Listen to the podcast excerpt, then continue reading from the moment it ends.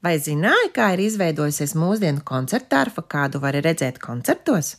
Arfa ir vienlaikus viens no vissenākajiem un visjaunākajiem mūzikas instrumentiem. Kāpēc tā?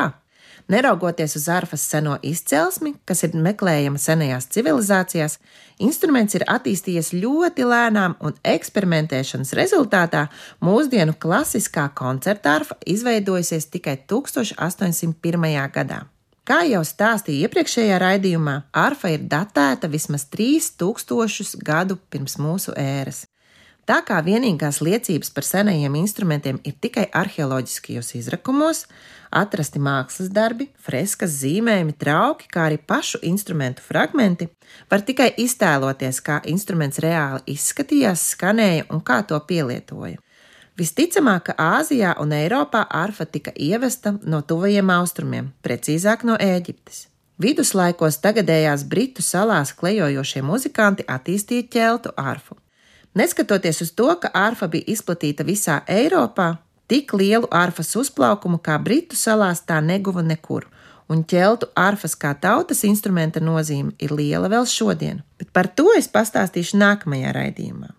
Paralēli Eiropai Dienvidamerikā attīstījās Paragvajas arfa, kas ir ļoti populāra arī mūsdienās. Arfa turp aizceļoja ar spāņu imigrantiem. Parasti tās ir 32 līdz 46 stīgu instrumenti. Tās pārsvarā spēlē ar nagiem, uz tās atskaņojot tautas mūziku. Ir zināms, ka arī citur pasaulē arfveidīgos instrumentus lieto kā tradicionālos instrumentus. Piemēram, koru izmanto Rietumāfrikas zemēs dažādos rituālos, pavadot dziedātājus. Savukārt klasiskās koncertārfas attīstība noritēja tieši Eiropā. Vidus Eiropas valstīs arfa gan izskata, gan pielietojumu un spēles manieres ziņā atšķīrās no ķeltu arfas. To dēvēja par gotu arfu, jeb gotisko arfu. Tā atšķirās ar īpatnējo izskatu un skaņu. Tā bija slaida ar gotisku dekoratīvo elementu klāstu. No viduslaikiem saglabājušies arī pirmie nošu pieraksti, kas ļauj izzināt tā laika spēles tradīcijas. Lai gan šobrīd vēl tiek izmantotas gotiskās arfas, uz šīs arfas bāzes sākās eksperimenti, lai radītu mūsdienās zināmo koncertu arfu. 16. gadsimtā tika izveidota chromatiskā arfa, bet tā neiegāja arfistu apritē sava nērtuma dēļ. Arfa bija krasi jāuzlabo, dodot iespēju arfistiem spēlēt ne tikai diatoniski, ne mūziķu valodā, tikai pa klavieru baltiem taustiņiem, bet arī chromatiski, jeb melnajiem taustiņiem.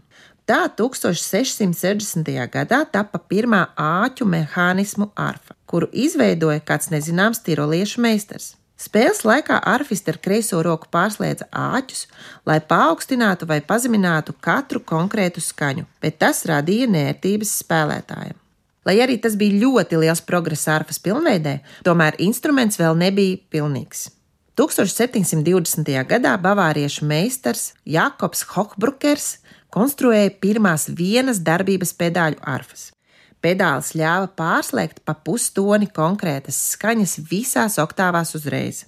Sākumā viņš konstruēja piecu, vēlāk septiņu pedāļu arfas. Pedāļu arfas izgudrojums bija ļoti nozīmīgs uzlabojums, tomēr vēl nebija iespēja spēlēt skaņdarbus visās tonalitātēs.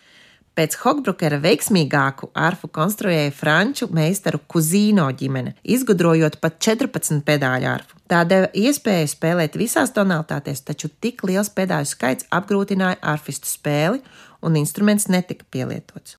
Un tikai 1801. gadā, pēc arfista Žana Batista Krumholca idejām un ierosinājumiem, franču klaviermeistars Sebastians Erārs konstruēja pirmo pedāļu arfu ar dubultdarbības pedāļiem. Nu, tāpat kā mammai gammai ir septiņi bērni, Dorē mīfā solā sī, tāpat ārfai septiņi pedāļi ar tādiem pašiem nosaukumiem. Tā bija sensācija. Tas ļāva katrai stīgai skanēt trīs pustoņu pozīcijās, kā diēzā, tā bekarā un bemolā. Kad esat rokas stiepienā no ārfas, papētiet, kā tas izskatās, un palūdziet ārfistam parādīt, kā tas darbojas.